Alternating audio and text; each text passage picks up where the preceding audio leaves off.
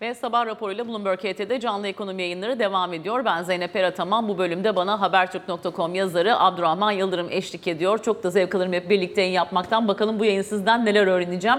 Abdurrahman abi günaydın, hoş geldiniz. Günaydın, hoş bulduk. Şimdi e, görüyorum ki elinizde ISO 500 kitapçığı var. O yüzden e, Burak Hoca ile sohbeti bıraktığım yerden sizinle devam Evet. edeyim istedim. Şimdi Burak Hoca ile konuşurken dedi ki 2022 senesinde gördüğümüz performansı ben 2023'te göreceğimizi düşünmüyorum. E, pek çok faktörden dolayı işte iktisadi yönelim anketinin de kırılımlarına baktık hatta beraber biraz buradan da sinyal okuruz belki diye. Şimdi sizin kitapçıkta dikkatinizi hangi grafikler çekti? Siz geçen sene öne çıkan trendlerde bu yıl nasıl bir kırılım bekliyorsunuz? E, enflasyon muhasebesi gibi bir düşünce aklınıza geliyor mu rakamlara baktığınızda? Şöyle bir genel toparlama yapalım mı öncelikle? Ya bir ben de beklemiyorum.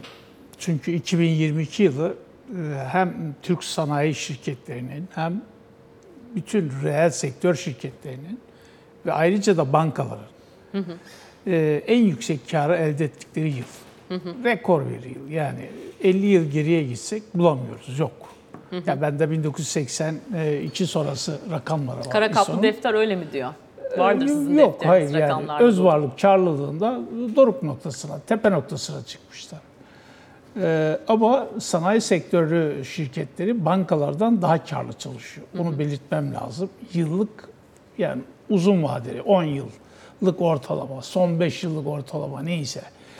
Ama baktığımızda 2011'den itibaren sizde de bir grafiği vardı. Ee, Ben de bugünkü yazımda onu kullandım.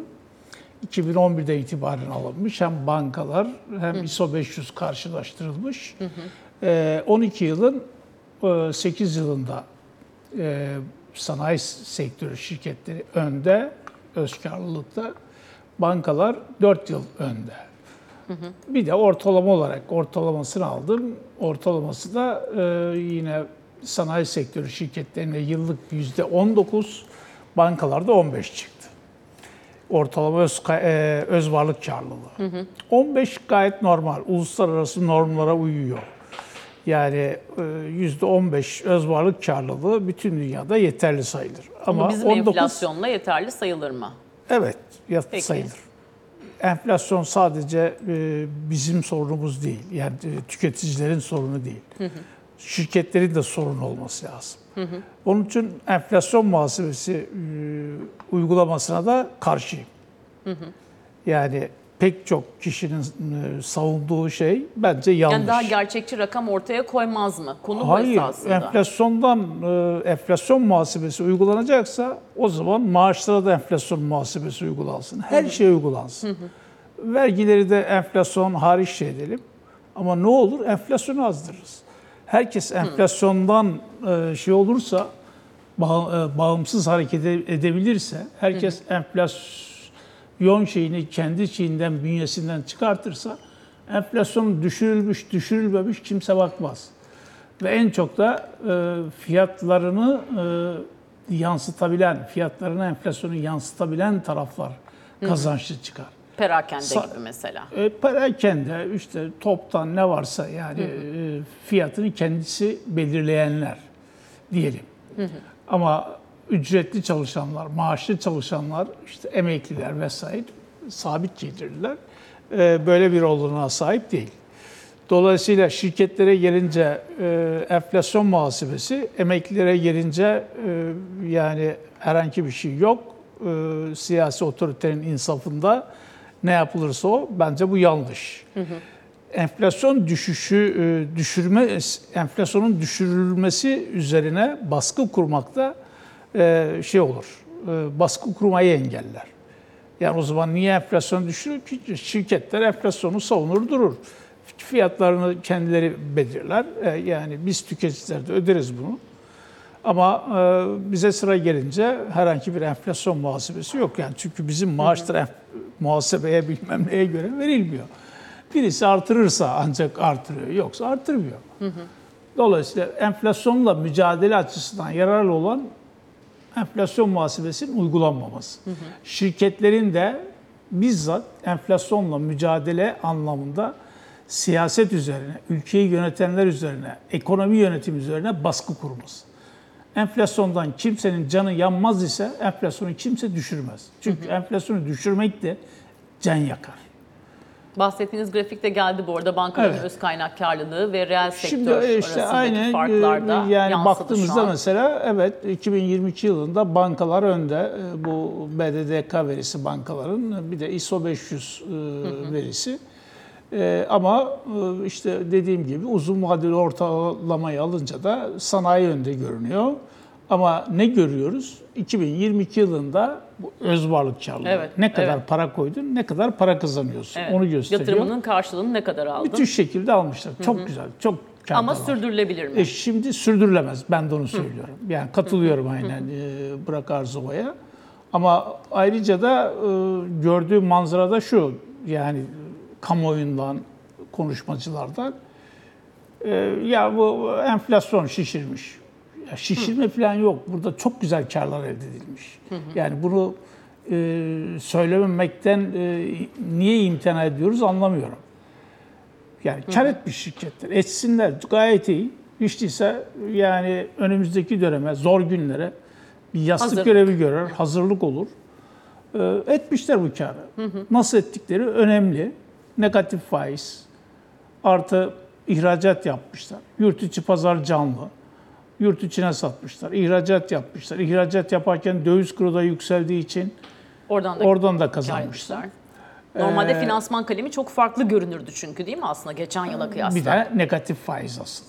Yani negatif Şimdi faiz. bu sene o olmayacak herhalde değil mi? Yani negatif Hayır, faiz daha az devam olacak. Ediyor. Hala devam ediyor. Ama işte daha az bir oranda, Krediye ulaşabilen, kredi alabilen hala şanslı.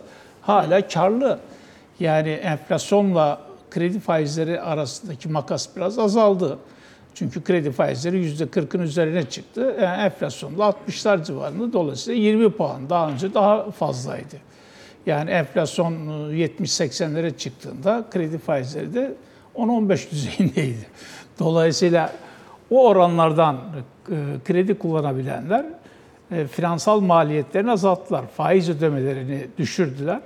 Sonuçta güzel bir finansal kar e, elde ettiler ve bunu da bilançolarına yazdılar. Kaldı ki e, kar eden sadece 500 büyük sanayi değil. Türkiye'nin tüm şirketleri e, kar etmiş durumda. Yüksek karlılığa ulaşmış durumda. Oradan da bütçe gelirleri Ee, tabii vergilerle birlikte artmış Devlet aynı durumda. zamanda devlet de Evet. yani vergi gelirlerini buna göre artırdı. Yani vergi gelirlerine bakarsak bütçede vergi gelirleri enflasyonun gayet üzerinde artıyor. Ama devlet de cayır cayır harcıyor hakikaten. Bir de ayrıca şunu belirtmemiz lazım. Hakikaten bir büyük deprem yaşadık. Evet.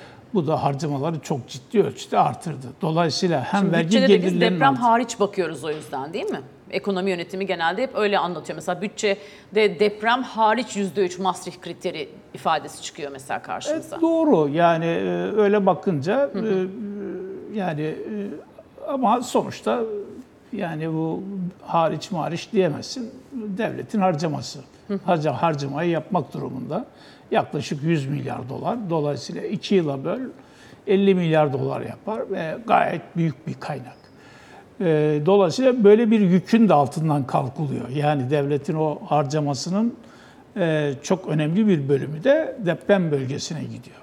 Dolayısıyla bu işten yani kim zararlı çıktı, kim e, şey çıktı, karlı çıktı e, diye bakarsak bir şirketler, iki devlet karlı çıktı. E, Zararlı çıkan kesim ise özellikle Türk lirası mevduat sahipleri, parasını Türk lirası mevduatta tutmak zorunda kalanlar, çok kısa süreli tutanlar, bu işi işte finansal okur yazarlığı iyi olmayan e, bazı emekliler işte yani işte diyelim maaşını alıyor dövize çevir ya da başka bir araca koy ondan sonra tekrar harcıyor zaten E, yani birkaç günlüğüne bir, bir iki haftalığına değmiyor bile. Dolayısıyla bütün bunlar da bedel ödedi yani tasarruf sahipleri ama asıl tüketiciler. Ama biz Tüketici TL'nin oranını portföylerde artırmak istiyoruz. Şimdi Merkez Bankası artırmak yine bunu istiyoruz. söylüyor şimdi. Şimdi Merkez Bankası aynı Merkez Bankası başkan değişene kadar liralaşma diye bir politika ortaya koymuş. evet. Ama tam olarak döviz dövizleşmeydi, dolarlaşmaydı o uygulama. KKM. E, KKM, KKM'yi ne sayabiliriz? Yani kur korumalı mı? Yani kurdan İsteyen öyle korunur. saydı, isteyen böyle saydı galiba Evet. değil mi KKM'yi? Elbette yani e, dolayısıyla e, yani hangi tanıma girdiğini de işte e, belirtmedik baştan. Böyle karışık bir dönem yaşadık. Dolayısıyla baktığımızda hakikaten bedeli tüketiciler ödedi. Tüketiciler arasında da şöyle bir ayrım yapmak lazım. E, geliri yüksek kesim e, yani tüketimi karşılar diyelim. Gıda, konut masrafı, ulaşım masrafı vesaire. Ama e, orta gelirler, e, hatta düşük gelirler, dar gelirler karşılayamaz. Gelir dağılımı rakamlarında da bunu çok net görüyoruz.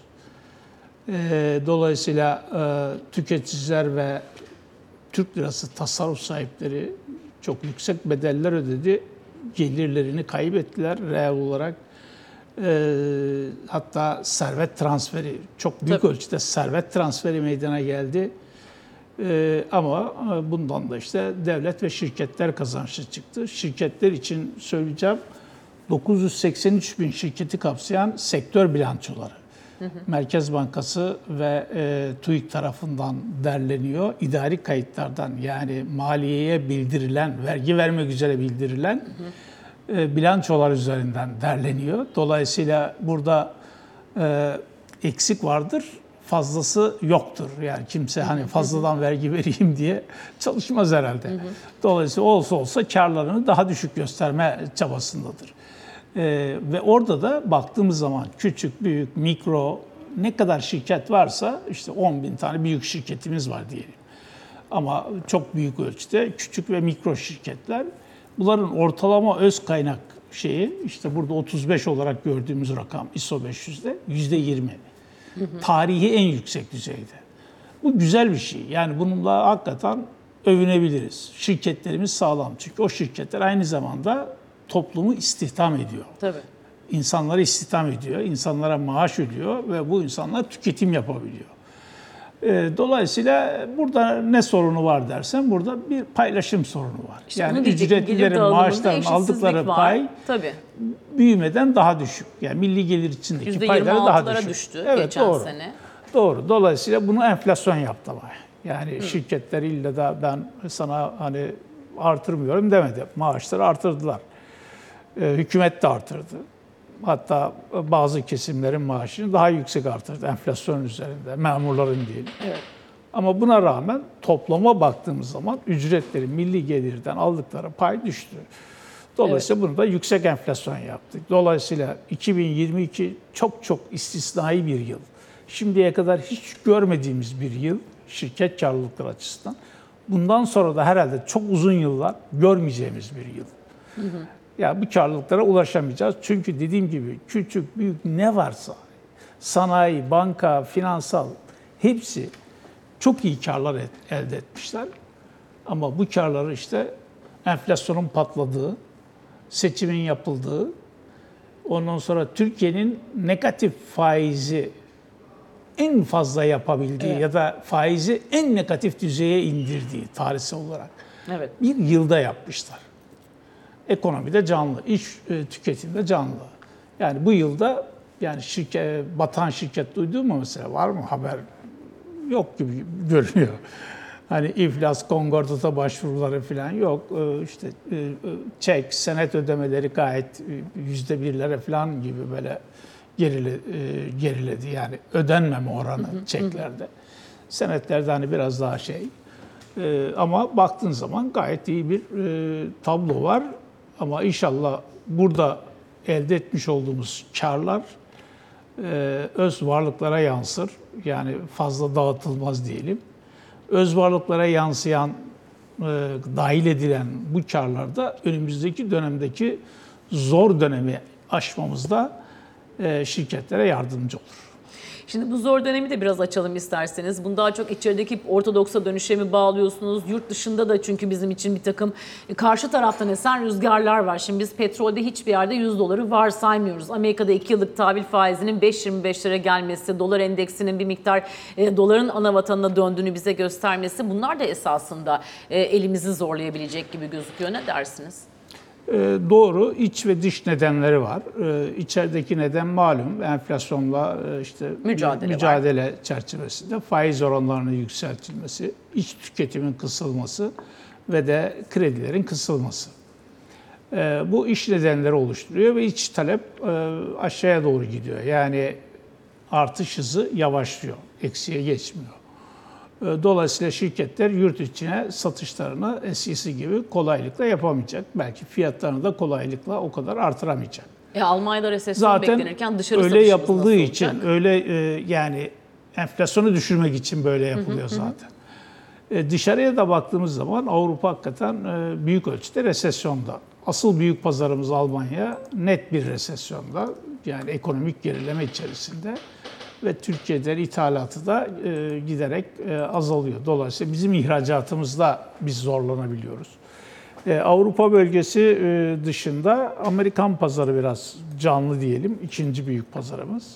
Ama İngiltere üçüncü büyük pazarımız. O da zayıf. O da resesyon e, eğiliminde. E, Dolayısıyla dışarıya ihracatta zorlanıyoruz artık. İhracatımız artmıyor. 254 milyar dolar seviyesinde yıllık bazda devam ediyor. Ama ithalatımız işte geçtiğimiz aylarda düş, e, düştü demeyelim artış eğilimi yavaşladı. Çünkü petrol fiyatları, enerji fiyatları ortalama %26 civarında geriledi. Ee, Dolayısıyla orada bir kazancımız oldu diyelim. Ama bu petrol fiyatlarının yeniden hareketlenmesiyle beraber, sonbaharla beraber bu tablo önümüzdeki aylarda bozulabilir. Ee, Ben petrol fiyatlarının e, harekete geçmesinin temel nedenini e, mevsim şartlarının zorlu geçeceğine bağlıyorum. Bir de tabii Ne arz zaman ki- kısıntısı var işte Suudi Arabistan'ın, Rusya'nın. Yani Arz fiyatı düş- sıkıntı yok. Arz sıkıntısı olmazdı aslında ama e, yani şartlar uygun olunca bu kış mevsimi e, işte sert geçeceği tahminleri yapılmaya başlayınca e, arzı yıl sonuna kadar arz kısıntısını devam ettirme kararı aldılar. Dolayısıyla da e, dünya da bunu bildiği için e, fiyatlar yukarı doğru gidiyor. Dolayısıyla tam olarak e, zor bir kış yaşayacağımızla ilgili petrol fiyatlarında bir yükseliş yaşıyoruz. Hatta işte doğalgaz da buna dahil. Yaşar isek eğer doğru petrol fiyatları 100 doları bulabilir, üzerine geçebilir. Birkaç aylığına kış mevsimi boyunca da bu sürebilir ama kış geçtikten sonra bence tekrar normalleşme olur. Eğer dünya ekonomisinde bir canlılık olmayacaksa. Ama beklenmiyor zaten. Dolayısıyla %3 civarında hatta %3'ün altına düşen bir e, büyüme e, söz konusu. İşte Çin de zor büyüyor zaten. Avrupa resesyonda e, sadece Amerika, Amerika ile de sadece dünya ekonomisi dönmüyor. Dolayısıyla e, buradan hareket ederek diyebiliriz ki mevsimsel olarak petrol ve enerji fiyatlarında bir yükselme söz konusu. Hava şartlarına bağlı ama mevsimsel. Birkaç aylığına. Sonra bu geçebilir. Normale dönebiliriz. Tekrar aşağıya gelebilir. O kadar da korkmamamız lazım. Bu şey. Peki Amerika'daki tahvil faizleri inişe geçer mi? Öyle bir beklenti hiç yok çünkü. Yok, o biraz zor. Niye dersen yani işte son e, toplantısını yaparken ortaya net bir şekilde bir e, Merkez Bankası, Amerikan Merkez Bankası tavrını koydu. Dolayısıyla e, 2024 yılı için beklenebilecek olan faiz indirimi e, çok sınırlandı diyelim. Belki tek indirime in- indirgendi. E, Uzun süre faiz yüksek kalacak. Hatta araya bazı şeyler girdi. İşte açıklamalar. Ya bir faiz artırımı da bu sene olacak, olmalı. Bir de ayrıca e, işte JP Morgan işte Amerika'nın en büyük bankası onun CEO'sunun yapmış olduğu açıklama %7'ye hazır değil. E, demek ki %7'ye mi çıkartmak istiyor Amerikan Merkez Bankası? Bunun koşulları mı oluştu? Yani bence onun açıklaması e, epeyce etkili oldu. Yani FED başkanlarının açıklamalarından daha etkili oldu. Piyasa bayağı sarsıldı Ee, evet. Dolayısıyla dolar değerlendi. Ama aynı zamanda Avrupa tarafının e, eli daha açık davrandığı için ve faiz artırımlarına devam edemeyeceği tahmininden hareketle e, Euro zayıfladı. O ayrıca doları değerlendirdi. Dolar değerlenirken zaten Amerika'da faizler bir tık daha yukarı gidecek ama uzun sürede yüksek kalacak. O beklentiyle faizler de yukarı gitti. Dolayısıyla son 10 kaç 16-17 yılın en Evet, evet. e, yüksek düzeyine çıktı. Amerikan 10 yıllıkları yukarı çıkınca e, bu sefer işte borsalar 10 yıllık değil diğer faizler de yani Amerikan Tabii, hazine tabii. Kağıtları yukarı attı. yükselince E, borsalar zayıfladı. Emtialar baskı altına girdi ve daha da önemlisi altın ciddi ölçüde düştü. Ama içeride o düşüşü pek hissetmedik biz çünkü dolar TL tarafında yön yukarı. E, o yüzden isterseniz son dakikaları da yine e, TL'yi biraz e, konuşarak geçirelim. Altın yatırımcısını da bekler onu da konuşalım. Bir yandan da tabii size göre TL portföylerde payını artırabilecek mi bu sene mevcut faiz ortamıyla? Çünkü TL mevduat faizinde işte %50'lere doğru giden rakamlar e, konuşuluyor. Mesela borsa tarafına bakıyoruz. Alt tavsiyesi verilen birçok hissede o kadarlık bir getiri potansiyeli medyan tahminlerde gözükmüyor. Şimdi o zaman bu bir miktar belki TL'si olanı mevduata kaydırır mı? Dövizde olan belki OVP'ye bakıp işte %44 gidecek diyor OVP dolar TL kuru için. Bunun üstünde bir mevduat faizi yakalarsa TL'ye dönmeyi düşünür mü? Ne dersiniz? Ben önümüzdeki dönemde yani belki Eylül ayında buna dahil e, Türk lirasının daha değerli olabileceğini tahmin ediyorum. OVP'nin bunu hedeflediğini, enflasyonla mücadelenin böyle bir temele dayandığını, işte Yani kur dışarıdan enflasyon sermaye, kadar gitmeyecek. Fikir bu mu? Evet, dışarıdan e, gelebilecek e, sermaye e, akımlarının da bunu destekleyeceğini e, tahmin ederim. OVP'nin de bunu hedeflediğini görüyorum yani açıkça. E, bu çerçevede evet TL e, giderek değerleneceğine göre da portföylerde daha fazla yer alacak. Mevduat faizlerinde %50'ler artık görüldü en yüksek. Herkese verilmiyor. Evet. Ama bazılarına veriliyor. ve Şimdi- KKM'den dönen daha çok anladığımız hani kadarıyla. yüzde 50 olmasa bile önümüzdeki işte diyelim ay- aylarda yüzde 60'a çıkarsa evet yani insanlar hakikaten e, yani yüzde 70'leri bulabilecek bir enflasyonda tepe noktasına göre mevduat faizine yönelebilir. Ee, yani evet TL bundan sonra daha değerli olacak. Bir de ayrıca TL 12 yıldır değer kaybediyor. Dolara karşı. Evet. Dolara dövize yani asıl e, euroyu da kattığımızda ikisini sepet yaptığımızda eşit paylarla 2011 yılından bu yana 2023 yılının e, şeyi de dahil 6-7 ayı da dahil böyle bir süreçte Türk lirası değer kaybetmiş. Çok uzun süreli. Yani ondan önceki 10 yıl yani 2002-2011 arası Türk lirası değer kaybetmişti. Sonra ya pardon değer kazanmıştı. Değer kazandığı bir dönemdi. Sermaye akımları da güçlüydü. Enflasyon da düşmüştü, düştü ve düşük düzeylerde kaldı. Türk lirası değer kazandı. Onun üzerine 12 yıldır değer kaybediyor. Dolayısıyla böyle bir değer kazanma dönemi açılırsa bunun ne kadar devam edeceğini kestirmek güç. Zaman e, uzayabilir. Ayrıca gelişmelere bağlı, siyasi niyeti de bağlı, e, ekonomik gidişe de bağlı, dünya şartlarına da bağlı. Ama nereden bakarsak bakalım, enflasyonla mücadele edeceksek bunun anahtarı bence, temel anahtarı döviz kuru. Döviz kurunu bir türlü fiyatların altına düşürmemiz lazım. Aksi takdirde enflasyon düşmez. Çünkü Türkiye ithalatçı bir ülke. İstediğimiz kadar ihracatı artıralım, ithalata yetişemeyeceğiz. Çünkü ihraç ettiğimiz ürünlerin içerisinde de yaklaşık yüzde 45 ithal ürün var. Üretim ithalata dayanıyor. Özellikle ham madde, enerji ve ham madde, emtia dediğimiz o şeylere dayanıyor. Yani biz ham maddeyi alıyoruz, işliyoruz, e, nihai ürün haline getiriyoruz ve Satıyoruz. dışarıya satıyoruz. Evet. E, niye bunu yapıyoruz? Yeraltı ve yerüstü zenginliklerimiz o kadar fazla değil. Bir yandan da dolarla da euroyla satıyoruz. ayrıca da, düştü. Aha, ayrıca olanları da çok iyi değerlendirdiğimiz söylenemez. Yani yeraltı zenginliklerimizi, yerüstü ze- zenginliklerimizi. Dolayısıyla ithal etmek zorundayız. Açık ekonomi olmak zorundayız. E, ithalat böyle devam ederse de ihracatta duramayız. Dolayısıyla biz e, ithal etmeye, bunu ihraç etmeye devam, dolayısıyla cari açık vermeye de devam edeceğiz.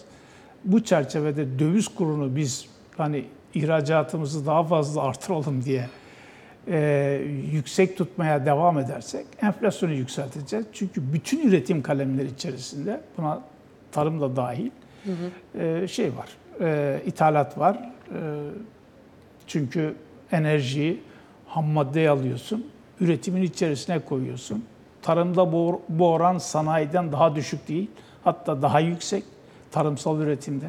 Çünkü yem Yem. Evet. e, asıl şeye e, dahil, e, ondan sonra gübre dahil, ilaçlar dahil vesaire, petrol ayrıca yani tarımda çok kullanılan bir şey ham madde. Dolayısıyla bütün bunlar hakikaten ithalata e, ve dolara bağlı dolayısıyla.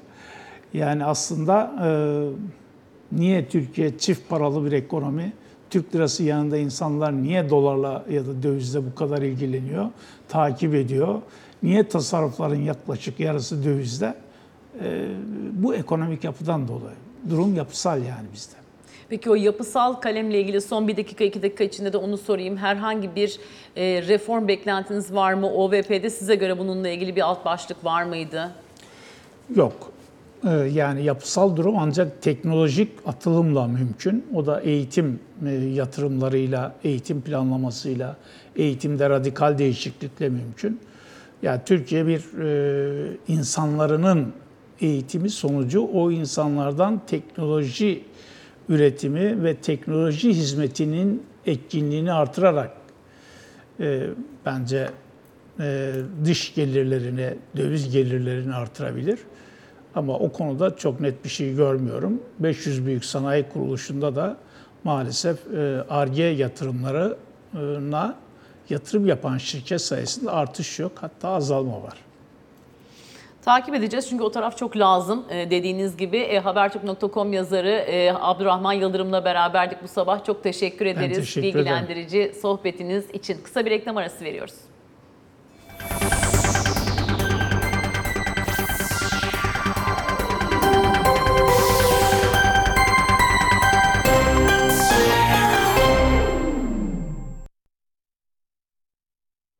Ve sabah raporu devam ediyor. Biraz da siyasetin gündemini konuşalım. Bloomberg KT Genel Müdürü Alican Türkoğlu bizimle her sabah olduğu üzere. Alican günaydın. Günaydın. Şimdi bugünün ajandası epeyce yoğun. Öncelikle tabii Ekonomik Koordinasyon Kurulu'nun toplanacağını görüyoruz. Ee, Cevdet Yılmaz Başkan'da, Cumhurbaşkanı Yardımcısı Başkanlığında. Ee, Burada hangi başlıklar ele alınacak? İstersen öncelikle ajandayı bir ele alalım. Tabii e, bu toplantının net teması finans. Yani ana gündem olarak finansı e, odağına almış durumda olacak bugün Ekonomik Koordinasyon Kurulu toplantısı. Sen de söyledin Cumhurbaşkanı Yardımcısı Cevdet Yılmaz Başkanlığı'nda ilgili isimlerin bir araya geleceği bu toplantıda bir, e, bunun alt başlıkları var. Yatırım taahhütlü avans kredileri konusu bunların bir tanesi mesela. Yani yatırımların finansmanının nasıl sağlanacağı hususu e, bugünkü toplantının öncelikli gündemlerinden birisi olacak. Burada da işte bu yatırım taahhütlü avans kredilerinin konuşulacağı ifade edildi kaynaklar tarafından da. E, ikinci başlık altın. Ama altının şu noktası, yastık altı altın. Yastık altında bulunan altının ekonomiye nasıl kazandırılacağıyla ilgili olarak bir fikir alışverişi gerçekleştirilecek. E, buradan da anlıyoruz ki öncelikli e, önümüzdeki kısa vadede öncelikli olarak konuşulacak konulardan birisi olacak bu yastık altının ekonomiye kazandırılması hususunda neler yapılması gerektiği bu noktada Bu da yıllardır hayatımızda olan bir başlık olan zaten ama aslında, değil mi? ara, ara ara aslında şey de oluyor. Bir Isıtılıyor, böyle tekrar tekrar, canlanıyor. ön plana getiriliyor, gündeme geliyor. Bu yastık altındaki altının e, kazandırılması, ekonominin içerisine eklenmesiyle ilgili olarak bir takım teşvikler e, düşünülüyor, konuşuluyor ve ondan sonra tekrar devam ediyoruz aslında kendi gündemimize. Dolayısıyla bugünkü EKK sonrası yapılacak yazılı açıklamada buna ben ciddi bir atıfta bulunulmasını bekliyorum. E, dijital para çalışmaları var. Bununla ilgili gelinen son noktanın konuşulacağını biliyoruz. E, katılım finans çerçeve kanun çalışmaları vardı. Bununla ilgili gelinen nokta nedir? E, yeni ne gibi adım atılması gerekir? E, herhangi bir hukuki sıkıntı var mı? Bunlarla ilgili ne gibi düzen- bu düzenleme yapılırken, bu çalışma gerçekleştirilirken e, önde aşılması gereken farklı bir engel var mı? Bunlar da konuşulacak. Bir de e, Aile ve Gençlik Bankası hususu vardı. Bunda kabine sonrasında aslında Cumhurbaşkanı Evet. bir nebze değinmişti. Şimdi bu Aile ve Gençlik Bankası kurulacak yakın zamanda. Mesela e, içerisinde evlenecekler için bir takım teşvikler buradan faizsiz verilecek diye kredi anladık. gibi Evet. e, detaylar var. Buradan verilecek ama öncesinde bir pilot bölge, bir deprem bölgesi pilot bölge olarak seçiliyor. Bununla ilgili e, banka tam olarak işlemeye başladıktan sonra da daha yaygınlaştırılacak ama bununla ilgili yani bu bankanın kurulmasıyla ilgili olarak da ne yapılacaksa bugünkü EKK'da öncelikli konuşulacak gibi gözüküyor. Dolayısıyla bu 5 alt baş yani finans ana başlığının, finans te- ana temasının altında 5 alt başlıktan oluşan bir toplantı olacak bugünkü Ekonomi Koordinasyon Kurulu toplantısı. Sonrasında da dediğim gibi yazılı bir açıklamayla detaylar bildirilecektir ama asıl o yazılı açıklama sonrasında bu gündeme ilişkin, gündemlere ilişkin yeni yapılacak toplantılarla son kararlar verilecek gibi gözüküyor az önce saymış olduğum konu başlıklarıyla ilgili. Ee, şimdi bugünün ajandasında sadece EKK değil bir de MGK toplantısı e, olduğunu da görüyoruz. Oraya da ilk defa katılacak isimler de var. E, bu toplantıya Genelkurmay Başkanı Orgeneral Metin Gürak, e, Kara Kuvvetleri Komutanı Orgeneral Selçuk Bayraktaroğlu ve Hava Kuvvetleri Komutanı Orgeneral Ziya Cemal Kadıoğlu da ilk kez katılacak. Böyle bir MGK gündemi var. E, şimdi burada hangi başlıklar bugün öne çıkar? Şimdi aslında bizim e, seninle yaptığımız yayınlarda da, akşam yayınlarında da ağırlıklı olarak konuştuğum başlıklar, yani dış politika başlıklarının birçoğu MGK'nın gündemi. Milli Güvenlik Kurulu'nda çünkü bu dış politikada hem Türkiye'nin e, bulunduğu konum hem de ilerleyen dönemde atılması gereken e, yeni adım varsa, yeni görüşme varsa bunların detaylarının konuşulacağı bir toplantı. Yani neyi kastediyorum? Mesela e, tahıl koridoru konusu, Rusya-Ukrayna savaşı. Buradaki son nokta ve Türkiye'nin alması gereken, aldığı ve alması gereken pozisyonun görüşüleceğini biliyoruz. E, ne var? İsveç'in NATO'ya girme, yani NATO başlığı altında hem İsveç'in NATO üyeliği konusu var hem de genel olarak NATO gündeminin görüşüleceğini biliyoruz. Amerika Birleşik Devletleri ile F-16 konusundaki görüşmeler devam ediyor bilindiği gibi. Bu konuda özellikle e, Türkiye'nin F-16 almasını engelleyen isimlerin başındaki Senatör Menendez'in e, görevden alınmasıyla devam eden sürecin olumlu olarak yansıması bekleniyor Türkiye'ye. Yine bu konu gündemlerden birisi olacak. E, Yunanistan'la Mitsotakis Erdoğan arasında bir görüşme gerçekleşti New York'ta. E, ancak devamında da 7 Aralık'ta Selanik'te bir toplantı var Cumhurbaşkanı'nın da katılacağı ve işte bu pozitif e, gündemin devam etmesi için karşılıklı adımlar atılacağı söyleniyor. Dolayısıyla hem Yunanistan konusu hem de bu konunun altında Doğu Akdeniz ve Ege'deki son gelişmeler konuşulacak. Ermenistan, Azerbaycan, Karabağ hususu zaten e, Türkiye'nin içinde olduğu bir konu Azerbaycan'a destek anlamında. Gelinen son noktanın tartışılacağını biliyoruz. E, düzensiz göçle mücadele konusu var. Sanki biraz daha içeriği ilgilendiriyormuş gibi ama son dönemde özellikle Avrupa Birliği ile Türkiye arasındaki gündem başlıklarından birisi e, bu konu. Yunanistan'la da Türkiye arasında konuşuldu. Bu dolayısıyla burada atılması gereken yeni bir adım var mı yok mu o tartışılacak. E, ve tabii değişmeyen gündem maddeleri var. Terörle mücadele olmak üzere hem yurt içindeki hem yurt dışındaki terörle mücadelede e, ki gelinen nokta işte Türkiye-Irak, Türkiye-Suriye ilişkileri MGK'nın gündeminde olacak gibi gözüküyor. Dolayısıyla yine MGK'dan da aynı EKK'da olduğu gibi yazılı bir açıklama gelecektir. Toplantı sonrasında muhtemelen akşam saatlerinde biz iki bugün iki kritik toplantısıyla ilgili fikir sahibi olacağız.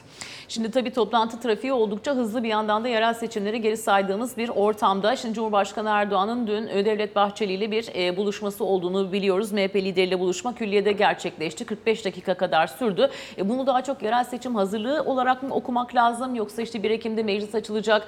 E, burada işte anayasaya ilişkin çalışmalara bir hız verilmesi e, başlığında mı okumak lazım? E, diğer taraftan da tabii e, Batı ile temasları olmuştu. Cumhurbaşkanı'nın seninle birlikte son haftalarda yaptığımız yayınlarda genişçe biz de ele almıştık. E, İsveç'in NATO üyeliği konusunda e, bilemiyorum bir fikir istişaresi burada söz konusu olmuş mudur? Olmuştur. Aslında ya o ya o değil ikisi de yani iki ana başlıklı bir toplantı olarak değerlendirebiliriz. Birincisi yerel seçim hazırlıkları, ikincisi 1 Ekim'deki meclisin açılmasıyla beraber meclisin e, meclise sunulacak kanun teklifleri ve meclis takviminin belirlenmesi partiler açısından. Şimdi yerel seçimdeki konu şu. 7 Ekim'de AK, Parti, AK Parti'nin kongresi olacak ve 7 Ekim'deki kongre sonrası şu anda iki parti tarafından da oluşturulan e, ekipler ki hangi isimlerden oluştuğu da belli hem AK Parti hem Milliyetçi Hareket Partisi tarafı 7 Ekim sonrası görüşmelere başlayacak ve başta büyük şehirler olmak üzere e, hangi illerde, ilçelerde kimlerin aday gösterileceği istişareyle belirlenecek. Bu konuda zaten fikir birliği vardı. Dolayısıyla dünkü görüşmenin kısa bir e, süresi buna ayrılmıştır. Yani bu takvim tekrar konuşulmuştur ve yerel seçimlere ilişkin ne gibi hazırlıklar yapılacağı ana hatlarıyla değerlendirilmiştir. Daha büyük e, bir vakit ise e, meclis tarafına ayrılmıştır diye tahmin ediyoruz. Çünkü e, meclisin açılmasına çok az bir süre kaldı. Yeni anayasa konusuyla ilgili görüşmeler evet başlayacak ama onun dışında işte İsveç var, Emekli konusu var ki kabine toplantısında gündeme gelmişti. Bununla ilgili atılacak adıma ilişkin karşılıklı bir bilgilendirme olmuştur. Kentsel dönüşüm konusu var ve aile bankası konusu var. Ben bu konularda iki ismin e, kendi partilerinin görüşlerini konuştuklarını ve yakın zamanda da ekiplere bilgi verilerek bununla ilgili çalışmaların devam edeceğini düşünüyorum. Ali Can Türkoğlu ile beraber böylece sabah raporunu noktalıyoruz. Kısa bir reklam aramız var. Ardından yatırım bülteninde birlikteyiz.